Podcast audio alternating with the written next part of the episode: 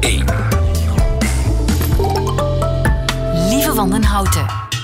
Nieuwe feiten. Dag, dit is de Nieuwe Feiten podcast van vrijdag 17 mei 2019. In het nieuws vandaag deze droomjobaanbieding. Het Britse Koningshuis zoekt namelijk een Digital Communications Officer. Iemand, met andere woorden, die nieuwe manieren vindt om de aanwezigheid van de Queen onder de publieke aandacht en op het wereldtoneel te houden. Met nog andere woorden, iemand om te twitteren. Als een Queen. Wie wil dat niet? Over het salaris wordt niet gerept, maar daar doe je het natuurlijk niet voor. Wel voor de secundaire arbeidsvoorwaarden. 33 vrije dagen per jaar, 15% extra pensioen van de Queen en elke dag gratis eten. Dus solliciteren doe je op LinkedIn. En ik kan het wel begrijpen dat de Queen een nieuwe Twitteraar zoekt, want kijk eens naar die laatste tweet van haar. Looking into rumors that Meghan is changing her name to Harry Wife. Harry Wife. Tenzij er een fake queen op Twitter zit, natuurlijk. Dat kan altijd. De andere nieuwe feiten vandaag. De beste fles Bubbles komt uit Wallonië. In Noorwegen krijgen de Sami een waarheids- en verzoeningscommissie naar Zuid-Afrikaans model. Mannen zijn sneller klaar met rouwen als een vriend gestorven is dan vrouwen. En Sander van Hoorn vindt het vreemd dat de Europese verkiezingen bij ons altijd samenvallen met andere verkiezingen. Veel plezier. Nieuwe feiten. Hallo? Vergeet bier, vergeet wafels en chocolade. België is voortaan het land van de schuimwijn, want op een prestigieuze wedstrijd in Zwitserland is een Belgische fles bubbels uitgeroepen tot de beste ter wereld. Goedemiddag, Katrien. Goeiedag. Katrien. Stilman van het wijndomein Chandéol in uh, Kévy bij Bergen. Gefeliciteerd. Dankjewel. Ik neem aan dat het hele wijnhuis op stelten staat na die overwinning gisteren. Ja, we zijn heel blij. En nu we hebben heel meer, veel, veel meer werken dan vroeger. Sorry, mijn Nederlands is heel ver van perfectie. nee, nee, je Nederlands is eh, bijna perfect. De Chandéol verslaat alle grote Franse wijnhuizen. Ja, 2020 was die. Dat is toch nauwelijks te geloven, hè? Ja, wij, we zijn heel blij en we zijn blij voor onze domein, maar ook voor alle mensen die in België goede wijnen nu produceren. Ja, maar jullie worden beter bevonden dan champagnes. Echte champagnes uit Frankrijk. Dat is toch eigenlijk Ja, ja. Ehm, we, we denken dat ons werk is dicht bij het werk van Champagne. De mensen die hier werken kennen heel wel eh, de techniek en we gebruiken ook dezelfde materialen. Zo, de savoir-faire is bijna hetzelfde. En we zijn op dezelfde eh, grond dan Champagne, la Vin de la Marne. Zo, we hebben bijna alles om eh, een goed product te maken. En het weer is nu beter hier in Wallonië en in België dan het is nu in Champagne. Het is een beetje enfin, het is minder, eh, minder warm en beter voor het wijn. Dus België is een wijnland. Ja, ja, nu, ja. En de hele België. We zijn heel fier en heel trots op. En eh, Le Chant d'Eol, de roep van Aeolus. Aeolus, is dat niet een Griekse god? Ja, de god van de wind. Wij hebben windmillen op onze terrein. op Windmolens. onze- ja, windmolens. En dat is waarom we hebben dat Le Chant d'Eol eh geroept. En normaal, we, we zouden eerst denken aan Le Champ in het Frans, die betekent eh, grond. Maar die, die vrienden van Champagne denken dat het, het klinkt een beetje als champ, champagne van Eol. En ze zeggen, jullie mogen dat niet doen. Zo, Frans, eh, Franstalig is heel interessant. Zo, we hebben voor eh, eh, de roep van Eolus gekozen. En dan is het goed, iedereen kent het nu. Oké, en eh, windmolens, eh, dat is toch een recent fenomeen. Zijn jullie een eh, recente wijngaard?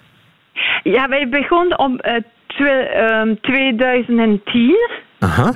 Maar we hebben twee jaar nodig om één cuvée te maken. Zo, het eerste kwam in uh, 2013. Zo jong? En dan elk jaar. Ja, ja. ja, Wij zijn jong. Uh, jullie zijn jong en toch al wereldberoemd. Ik niet meer, ik niet meer maar onze wijn wel. en uh, hoeveel kost nu een, een, fles Cuvée Prestige 2014 Brut Blanc de Blanc bij jullie? Ah, dat is een, een moeilijke vraag. Meer dan uh, gisteren zal die kosten ja, waarschijnlijk. een beetje meer, een beetje meer. Basisprijzen zijn rond um, 20 euro voor een um, Blanc de Blanc. En uh, ik denk rond 30 voor een... Ik ben niet specialist in de prijs, sorry. Ja. Rond 30 voor de Cuvée Prestige. We hebben niet heel veel, nu meer.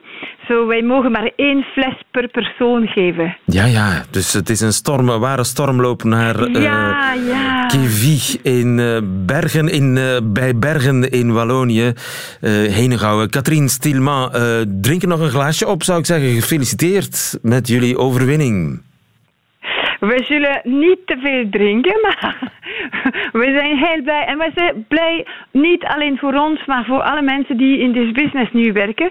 Want alle mensen van hier in Vlaanderen ook. We maken meer en meer goede wijnen die wereldkennis hebben. En dat is zo goed voor een klein land als België. Dankjewel. En we hebben nu meer restaurant ook. Zo, ga en probeer in Vlaanderen. In Damme of in Knokke. We hebben overal het is mogelijk om uh, onze wijn te drinken. Uh, laten we hopen. Ik kijk er naar uit op de wijnkaart. In de betere restaurants neem ik aan de uh, Champ de winnaar van een prestigieuze wijnwedstrijd in Zwitserland. Dankjewel. Goedemiddag. Katrien Goedemiddag. Stielman Dankjewel. in Kevi. Zeg, Frank van Raura, jij hangt ook aan de lijn toch, hè? Ja. Frank, heb jij die wijn al geproefd? Nee, ik heb die, deze wijn niet geproefd. Nee. Het is uh, ook een heel kleine productie, hè, want dat is natuurlijk ook wel typisch Belgisch, dat de smurfjes zijn qua volumes. Ja, ja. Maar jij bent uh, onze wijnkenner. Uh, verbaast jou dat evenzeer als het mij verbaast dat een Belgisch schuimwijntje ja, Franse champagne verslaat in een prestigieuze nee, wedstrijd? het verbaast mij alleen eigenlijk dat het 26 jaar geduurd heeft, want die competitie loopt al 26 jaar, dat de eerste keer is dat een niet-Franse wint dat verwondert mij ongelooflijk. Want uh, mensen die een klein beetje de Belgische wijnen volgen, die prediken allemaal hetzelfde. Namelijk dat we in eerste instantie vooral een optimaal bubbelland zijn. En dat komt niet alleen omdat we af en toe dezelfde terroirs hebben. En inderdaad, hè, wat zij ook zegt, dezelfde toestellen. Maar ook een beetje door het klimaat. Hè. Als je een stille witte of rode wijn maakt, dan hang je heel erg af van het klimaat. Te nat, te droog, uh, te warm, te, te koud. En ja, je druiven zijn dan niet optimaal rijp. En dan heb je in plaats van een schitterend jaar, een madig jaar. Ja, en bij is dat bij champagne, bij champagne is dat minder precair? Nee, minder, omdat je daar ook bepaalde druiven nodig hebt die een beetje de fraîcheur geven, die naar onberijpt zijn. En je hebt toch een beetje meer parameters waar je kan aan werken. Je kan bijvoorbeeld de, de wijn wat langer laten rijpen, hè, zodat het wat rijker wordt. Je kan de dosage, hè, de liqueur die erbij gevoegd een beetje aanpassen. Dus je hebt toch wat meer speelruimte. Dus het is meer de, de savoir-faire dan uh, de, de know-how die uit de champagne-streek ja, komt? En, en hier niet te vergeten, bij hen, heel specifiek, uh, het is een jong project, maar iemand die daaraan meedoet is Philippe Remu. En Philippe Remu is een, een Belg die dus al 25 jaar in Champagne zit, daar ook hè, wijn produceert. En die samen met een, land, een grote landbouwfamilie uit Henegouwen hebben die samen dus dat project opgestart. Dus die weet wel uh, ook, hè, inderdaad, de herkenbaarheid is groot. Ook de druiven niet te vergeten. Hè, een Blanc de Blanc is quasi 100% Chardonnay. Dus dat zal ook al meegespeeld hebben dat al die internationale juryleden komen. En de herkenbaarheid van die Belgische cru is heel groot. Je lijkt op champagne. En zij niet alleen trouwens. Hè, maar als je uh, bijvoorbeeld Scorpion, Meerdal, Rufus, dat zijn allemaal mousserende wijnen uit België. Als je die proeft, die hebben toch wel... Dat zijn neefjes of nichtjes van uh, de champagne. Ja, ja, ze hebben dat, dat deegachtige. Ja, je moet oppakken. Als je nu een cava opent, 90% van de gevallen zul je direct weten dat het geen champagne is. Een vonkelwijn uit de Kaap is toch wel een ander type. Een Duitse sect die bijvoorbeeld op Rieslingbasis is. Dus ja, dan, je proeft dat het iets anders is. Maar ik heb toch al gemengde degustaties gehad, waar Belgische mousserende wijnen en inderdaad champagnes en cremants stonden. En dat je soms inderdaad ook op het verkeerde been staat. Hè. Je denkt, dit is een, een champagne en het was een Belg. Dus Ja, ja. eh, dat verwondert mij eigenlijk niet. Het enige wat mij een beetje raar leek, is dat men achteraf dan zei bij de- perscommunicatie, hè, de- ja, we hebben het eh, dubbel getoetst en we hebben de, de nog eens gaan, hè, gaan ondervragen, de proevers. En denk ik, jongens, waarom is dat nodig? Ja. Dat doe je toch ook niet als elk jaar een Franse wint? Ja, Hè, de, de dus- wedstrijdorganisatie kon zelf de uitslag niet geloven. Ze hebben dus, dubbel eh, gecheckt. dat is een beetje een bevestiging van het vooroordeel. Hè? Zo van, ah, les petits Belges, dat kan bijna niet. Hè? Ja, ja, het kan dus wel. Dankjewel, Ja, Frank van der. Rouwera. Goedemiddag. Oké, dag. Nieuwe feiten. De ontdekking van België. De ontdekking van ons wonderfraaie land, meer bepaald door Sander van Horen. Goedemiddag, Sander. Hey lieve, hallo. Correspondent voor de NOS in ons land. Nadat jij correspondent was lange tijd in Libanon. Dus jij kunt ons vergelijken. Eh, sinds eh, bijna twee jaar intussen, hè? Ja, het gaat hard. Het gaat hard. En elke, elke week leer jij ons land een heel klein beetje beter kennen. Kom je daarover verslag uitbrengen bij ons. Waarvoor dank. Ja, verkiezingskoorts, hè? Enorm. Ben je Maar, aangestoken ook? nou, ik kan trouwens hier wel stemmen. En ik kan ook dubbel stemmen, kwam ik achter. Dubbelstem. ik ook. Nou, voor het Europees Parlement. Ik heb eh, een uitnodiging gekregen van de gemeente Schaarbeek, waar ik woon, om te stemmen voor het Europees Parlement.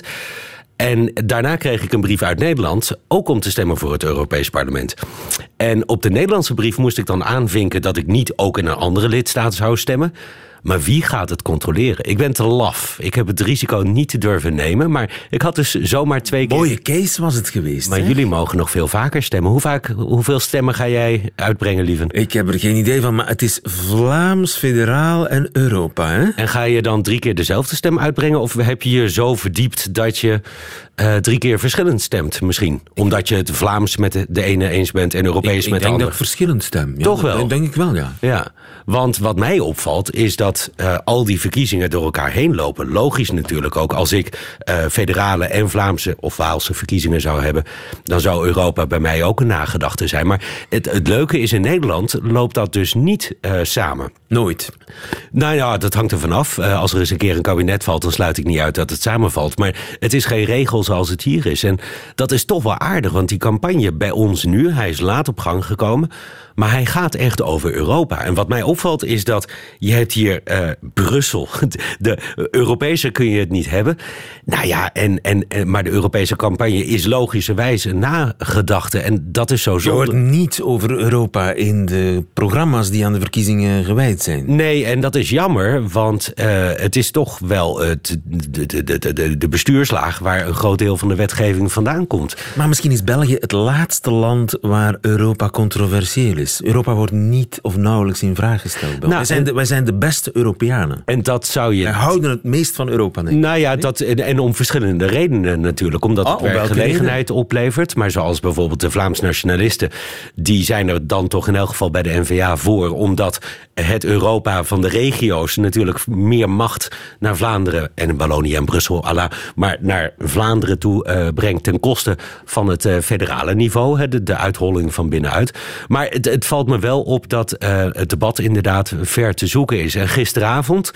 Ik zepte weg bij het Eurovisie Songfestival, kwam ik er opeens wel terecht. Heb jij, waar, waar heb jij zitten, naar zitten kijken gisteravond? Sorry, ik heb gisteren Thomas de Zoete gebinged. Oh, maar dus geen Songfestival. Je hebt onze Nederlandse inzending niet Ik de niet halve stoppen. finale Ik zien kon niet halen. stoppen. Het was zo goed en zo spannend. Maar in elk geval bij Ter Zake hadden ze opeens, voor degenen die niet van het Songfestival houden, een Europees debat. En dat ging er bijzonder overzichtelijk aan toe. U hebt met de Vijf Sterrenbeweging... Oké, mevrouw de Sutter, ik wil even naar u. Heren, ik wil even naar mevrouw de Sutter. Heren, heren, het is aan de dames om even te antwoorden, meneer Bourgeois. Ja, dat is een klassiek Belgisch debat, hè? Maar wel leuk. Jij vindt dit exotisch, ik, ik heb er natuurlijk op twee manieren naar zitten kijken. Wat vinden die Belgische partijen? Nou, ja, zometeen. En, en natuurlijk ook hoe zouden wij dat bij de NOS gedaan hebben. Veel strakker. Eh, dit is echt een debat. En in Nederland loop je het risico dat het meer een uitwisseling van standpunten wordt. En daarom was dit debat wel aardig. Ik vraag me alleen af of het niet zo kakofonisch was dat je er als kijker maar uiteindelijk niet zoveel aan gehad hebt. Hebben Nederlandse politici meer discipline? Zijn die beleefder? Nou ja, het is ook de debatcultuur. We hebben het er op deze plek al eens vaker over gehad. Dat bij ons uh, in het parlement spreek je via de voorzitter en laat je elkaar in de regel uitpraten. Kan een voorzitter je ook de mond snoeren en luister je daar in de regel naar? Ja, in het Vlaamse en in het federale parlement werkt dat anders. En dat merkt anarchistisch. Je... En dus ook in de tv-studio is het anarchistisch. Ja, en het nadeel daarvan is wel dat um, degene met de grootste mond, en dat was in dit geval Guy Verhofstadt, by far uh, de meeste spreektijd krijgt. Hij staat daar gewoon als nou ja, de Europeaan die die al lange tijd is. En uh, neemt het woord en houdt het. En dat valt me dan toch ook wel weer op. Dat, dat het toch wel de bekende gezichten zijn die naar Europa gaan. Bij ons zijn het onbekende gezichten. Uh, voor Forum voor Democratie, Dirk-Jan Epping. Het is geen Thierry Baudet. Uh, Marcel de Graaf, met alle respect. Het is geen Geert Wilders. Dus bij ons krijg je toch en nu, uh, als er Nederlandse politici luisteren, dan ga ik uh, de wind van voren krijgen. Maar bij ons is het toch wat meer een tweede garnituur, lijkt het ja. haast wel. En bij ons is het eerder een, een nou ja, prepensioen. Nou ja, met, Guy Verhofstadt is, is wel iemand die uh, zijn strepen verdiend heeft. Geert Bourgeois. Chris Peters gisteren, ik heb echt met kromme tenen zitten kijken. Die had een papier, hij deed een Bibi Netanyahu. Dat betekent dat je een papiertje omhoog houdt. Bibi Netanyahu'tje doen. Ja, en dat betekent dat je een papiertje omhoog houdt.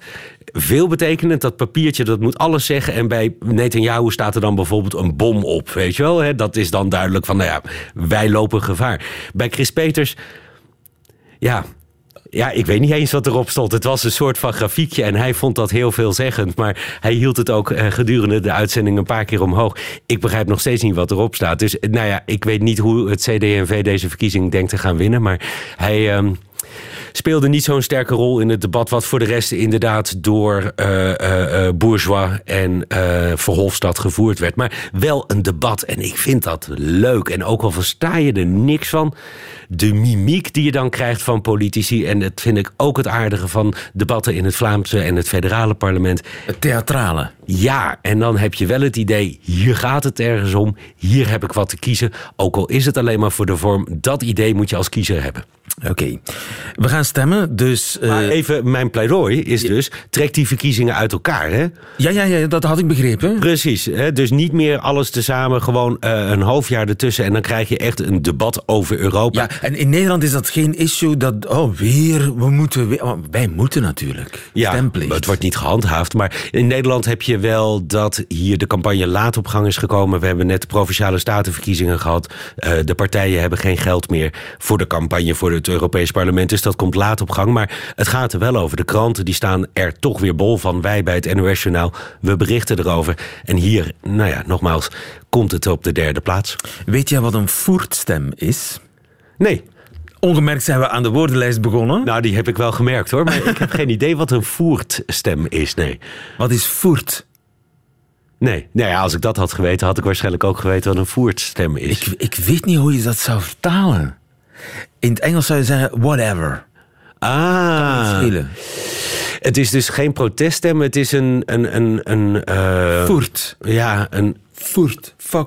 Uh, dus wel een proteststem. Het is een proteststem. Het is een ja. proteststem, oké. Maar ik weet niet wat het woord voert in hoe, je dat, hoe jij dat zou zeggen. Nou ja, niet protest, maar een, een, een middelvingerstem of een, een, een ja, ja uh, fuck society, fuck it all.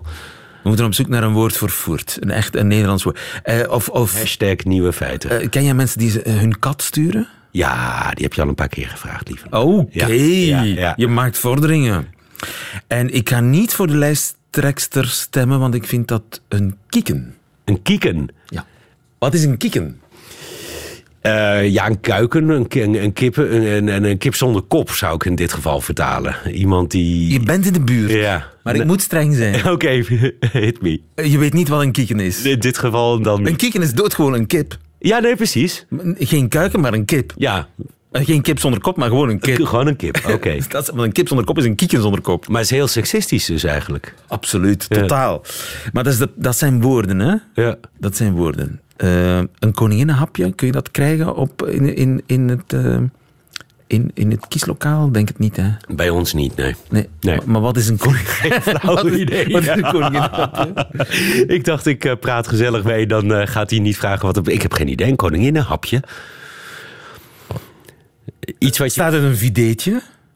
Oh jeetje. Ik moet echt uh, nog heel vaak terugkomen deze week. En in, in dat videetje zit vol. Ja, oké. Een fideetje is dan een pastijtje, denk ik. Ja. Juist. En een koninginnenhapje is dan een pastijtje met kippenragout. Exact. Nou, dankjewel voor de... Maar wat kun je wel krijgen in het kieslokaal, het stemlokaal? In Nederland? Ja. Niks. Ja, een stembiljet. Ja, maar voor de, voor de mensen die daar moeten werken, bijvoorbeeld. Ik heb geen flauw idee. Broodje préparé? Eh, oh, broodje filet Amerikaan. Wist ik niet. Krijgen jullie dat hier? Tuurlijk. Oh, wat grappig. Ja. Kaas, ja, bij ons een, een bo- boterhammetje met kaas, ja. kaas, hesp. Ja. Hesp, ja, precies. Ham. Ham, ja. Of, ja, en jullie zeggen filet, maar wij, wij hebben, filet Amerikaan bestaat ook, maar dat is iets anders. Wat is dat het verschil? Dat is volgens mij gewoon rauw runs gehakt. En wat is filet Amerikaan dan? Dat is filet Amerikaan. En wat is préparé dan? Dat is préparé. Nee, maar Dat is, dat is op basis van runs gehakt, maar daar, daar, daar hoort nog van alles bij. Kruiden, Wo- Worcester mayonaise. sierensaus Ja, en zo van die dingen. ja, ja. Worcestersaus. Oké, eh, maar toch op goede weg? Ja, maar deze week ging heel slecht. Nee, vind ik niet. Oh, ja, natuurlijk. Ja, Deze herken je. jullie gaan nu voor ons cheeren. Ik ga jou cheeren. Nee, niet cheeren. Onze inzending voor het Songfestival. Ja, ik, ik ben blij voor jullie. A broken heart is all that's left. I'm still fixing all the cracks. Lost a couple of pieces when I carried it, carried it, carried it home. I'm afraid of all I am. My mind feels like a foreign land. Silence ringing inside my head. Please carry me, carry me, carry me home. I've spent all of the love I saved. We were always a losing game. Small town boy in a big arcade. I got addicted to a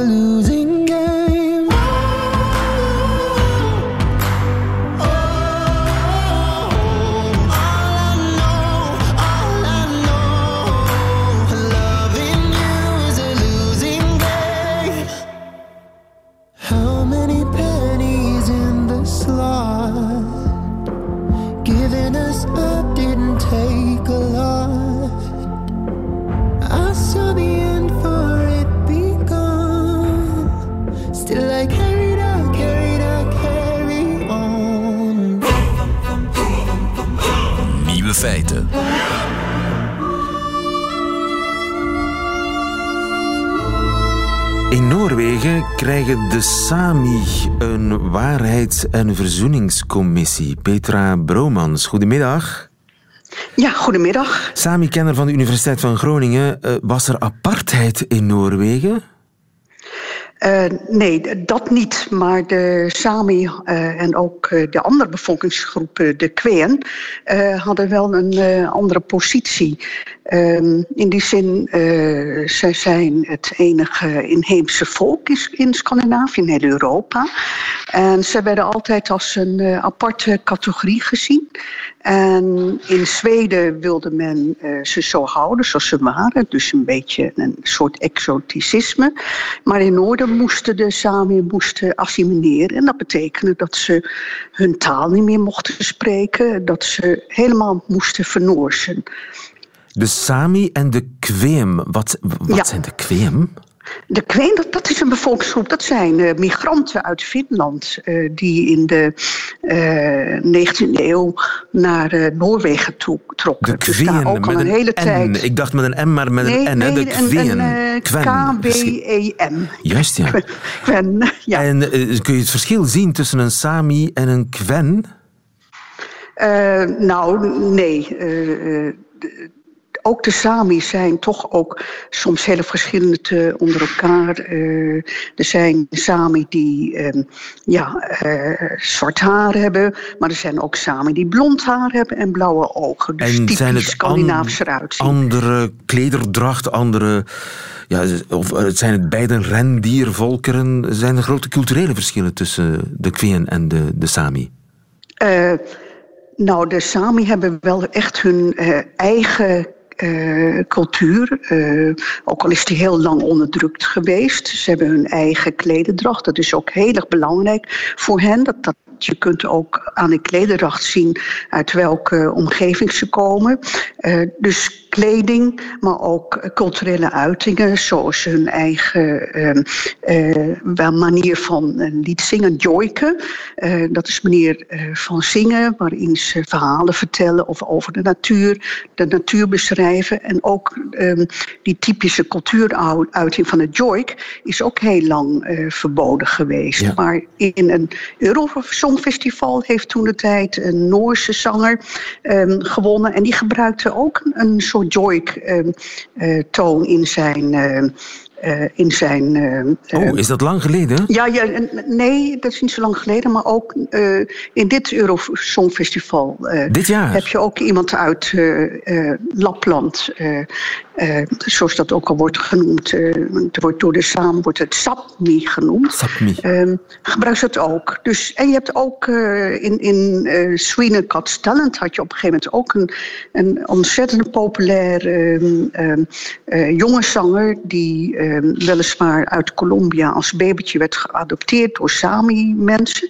Uh, als een uh, samen werd opgevoed. En die won ook dat uh, Sweden Got Talent met een liedje dat ja, ja, heel ja, geïnspireerd ja, ja, zo'n talentenjacht. Dat was in, in, in, Zweden een heel ontroerend moment was dat. Hey.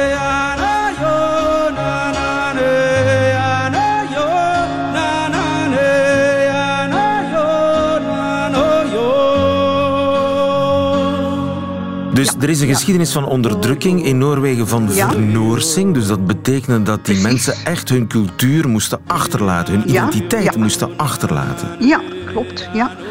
En dus mensen werden, hoe, ging dat? Mensen werden uit hun omgeving gehaald en in, in ja, in kostscholen geplaatst. Ja, ja, als al heel jonge leeftijd. En, en dat gebeurt ook, ook in Canada. Hè? Dus ook in Canada hebben ze al een tijd geleden al zo'n verzoeningscommissie ingesteld. En je zou kunnen zeggen, wellicht begon dat met uh, ja, Zuid-Afrika, dat er ook waarheidsvinding werd gedaan en, en ook boetedoening door, uh, hè, voor, voor uh, het leed dat men de bevolkingsgroep had aangedaan. En dat is dan nu ook in, in Scandinavië ja. is, is dat nu begonnen. Maar de waarheid kennen we dus nog niet kennelijk, dat er een commissie over moet gaan. Nou, het is altijd een beetje uh, verdoezeld geweest. Uh, de Scandinaviërs uh, worden daar niet altijd vaak graag aan herinnerd... dat zij ook een soort intern kolonialisme hebben gehad. dus die, die kant van de geschiedenis, dat, daar begint men nu um, ja, oog voor te hebben. En, en deze bevolkingsgroepen hebben dus ook, ook echt heel veel geleden. Je ziet ook dat jonge auteurs nu in Scandinavië die zelf niet meer in het Samisch kunnen schrijven, maar toch wel in het Noors en in het Zweeds beschrijven. Uh, hoe ze op zoek gaan naar hun roots. Dat hun ouders hen geen Samisch hebben willen leren omdat ze bang waren dat ze dan ook gepest werden op school. Dus het is wel een probleem wat altijd een beetje onder de mat geschoven werd, maar nu dus inderdaad alle aandacht krijgt. En wat nog steeds doorleeft, want inderdaad, mensen uh, zij gaan op zoek naar hun roots die ze ooit ja niet mochten hebben. Klopt, ja, klopt. Waren er ook economische motieven van die vernoorsing? Um, nou, het ging natuurlijk ook vaak over land. Hè? Uh, van wie is het land? Uh, in het noorden had je dan de rendierhouders samen. En de rendieren verplaatsen zich. Hè? Je hebt dus de, winter, de winterweidegronden en de zomerweidegronden. En je had dan op een gegeven moment ook de kolonisatie vanuit het zuiden... dat de, de koningen boeren naar het noorden sturen. Ja, die boeren die hebben dan het land. En die vinden het ook heel vervelend dat die rendieren dan het land vertrappen. Daarbij komt ook de, de um, natuurlijke hulpbronnen, het water, het bouwen van stuwmeren, watervallen. En dat, dat uh, doet ook heel erg denken aan de pijpleidingen die door de gronden van de First Nations in, in, in Amerika worden gelegd. Hetzelfde verhaal. Maar dus die vernoorsing, hoe lang is dat eigenlijk doorgegaan? Nou, dat is toch uh, tot in de 20e eeuw doorgegaan. Uh, en uh, de auteurs die nu schrijven over hun verloren roots, ja, dat zijn ook veertigers. Dus dan kunt u nagaan dat, dat die ouders, dat het toch, toch tot na de Tweede Wereldoorlog is doorgegaan. Tot diep in de 20e eeuw, tot na de Tweede ja. Wereldoorlog is ja. dat doorgegaan. De vernoorsing, en daar willen ze in Noorwegen nu komaf maken. Iedereen mag zijn verhaal ja. gaan vertellen voor de Waarheids- en Verzoeningscommissie. Al daar in uh, Tromsø is ze ingesteld, geloof ik. Petra Bromans, dank u wel. Goedemiddag. Ja, dag. Radio 1. Nieuwe feiten. Als een goede vriend sterft of een intieme vriendin, dan zijn mannen sneller klaar met rouwen dan vrouwen. Manu Kersen, goedemiddag. Goedemiddag, goedemiddag. Je bent uh, klinisch psycholoog, gespecialiseerd in rouwverwerking. Ja. Uh, ja, ja. Dat moet allemaal blijken uit een Australische studie bij meer dan 25.000 mensen over een periode van 14 jaar. Dus dat is een groot onderzoek. En de onderzoekers hebben dus specifiek gekeken naar de impact van de dood van een intieme vriend, niet van familie. Ja. Hm. En er zijn opvallende verschillen tussen mannen en vrouwen. Ja, ja. Wel, er zijn uh, verschillende stijlen van rouwen. En ik beschrijf in mijn boek hoe je een instrumentele stijl van rouwen hebt en een intuïtieve stijl. En intu intuïtieve stijl die komt naar buiten in verdriet en daarover praten en daarover mee bezig zijn. En de instrumentele stijl, dat komt meer naar buiten in rationeel daarmee bezig zijn, uh, daar iets willen aan doen en men gaat rapper aan toekomst denken en men wil iets oplossen. En die instrumentele stijl, dat noemen we de mannelijke stijl en de intuïtieve stijl, dat noemen we de vrouwelijke stijl. Ja. Dat zijn twee verschillende stijlen van, van rouwen die zeer, die zeer gelijkwaardig zijn. Maar het een, men denkt, die mannen zijn daar niet mee bezig, maar die hebben gewoon een andere stijl van rouwen. Uh, een instrumentele stijl. En pas op, dat is niet bepaald door de biologie van de man en de vrouw. Dat is veel meer bepaald door de opvoeding. Van jongs af aan zegt men, grote jongen weent toch niet? Goed op je zusje passen. Je moet er iets aan doen. Van jongs af aan worden jongetjes getraind om minder emoties te laten zien en sneller over te gaan tot de orde van de dag. Maar dat wil niet zeggen dat die minder verdriet beleven of dat dat rapper voorbij is. Het komt op een andere manier naar boven, die vaak niet als verdriet of als rouw wordt gezien. Ja, ja. En uh, bij uh, vrouwen, uh, die zijn er in het begin sterker in, maar het werkt langer door werd langer door. En ze, ze spreken ook meer over die dingen en ze, en, ze brengen ook meer emoties naar buiten. Waardoor men het beeld heeft van ze zijn er langer mee bezig. Maar pas op, er zijn mannen die daarmee omgaan. Zoals vrouwen, vrouwen beschrijf. Ja, ja, uiteraard. En het zijn vrouwen die ermee omgaan zoals ik bij mannen beschrijf. Ja. Uh, uh, het dus... loopt niet parallel met de biologische geslachten. Nee, nee, nee. nee. Maar het is meer grootste, een vrouwelijke manier en een mannelijke manier. En zijn de maar mannen dan... Kijkt, ja? Als je ook kijkt, je ziet dat mannen vaak veel meer vrienden hebben waarmee ze over prestaties en over actualiteit praten. En vrouwen hebben gemakkelijker vriendinnen waarmee ze over emoties praten. En wat betekent dat? Wel, dat betekent dat emoties bij vrouwen veel meer worden verwoord en veel meer naar, uh, tot uiting komen. Als ik, ik ben vandaag op een studiedag waar ik moet spreken over rouw en verdriet. Wel, als ik naar zo'n zaal kijk, op 180 mensen zijn dat uh, 170 vrouwen en 10 mannen. Ja. En dat is, en dat is klassiek. Vrouwen praten meer over Ja, rouw en dan ja, ja, lijkt het alsof ze er meer last van hebben. Nu, mannen zijn in het begin wel meer kapot. Ja, omdat ze, eh, eh, eh, mannen worden zo overrompeld door die emoties en durven soms minder hun emoties naar buiten uiten, maar ze dringen zich op, ze kunnen ze niet ontlopen.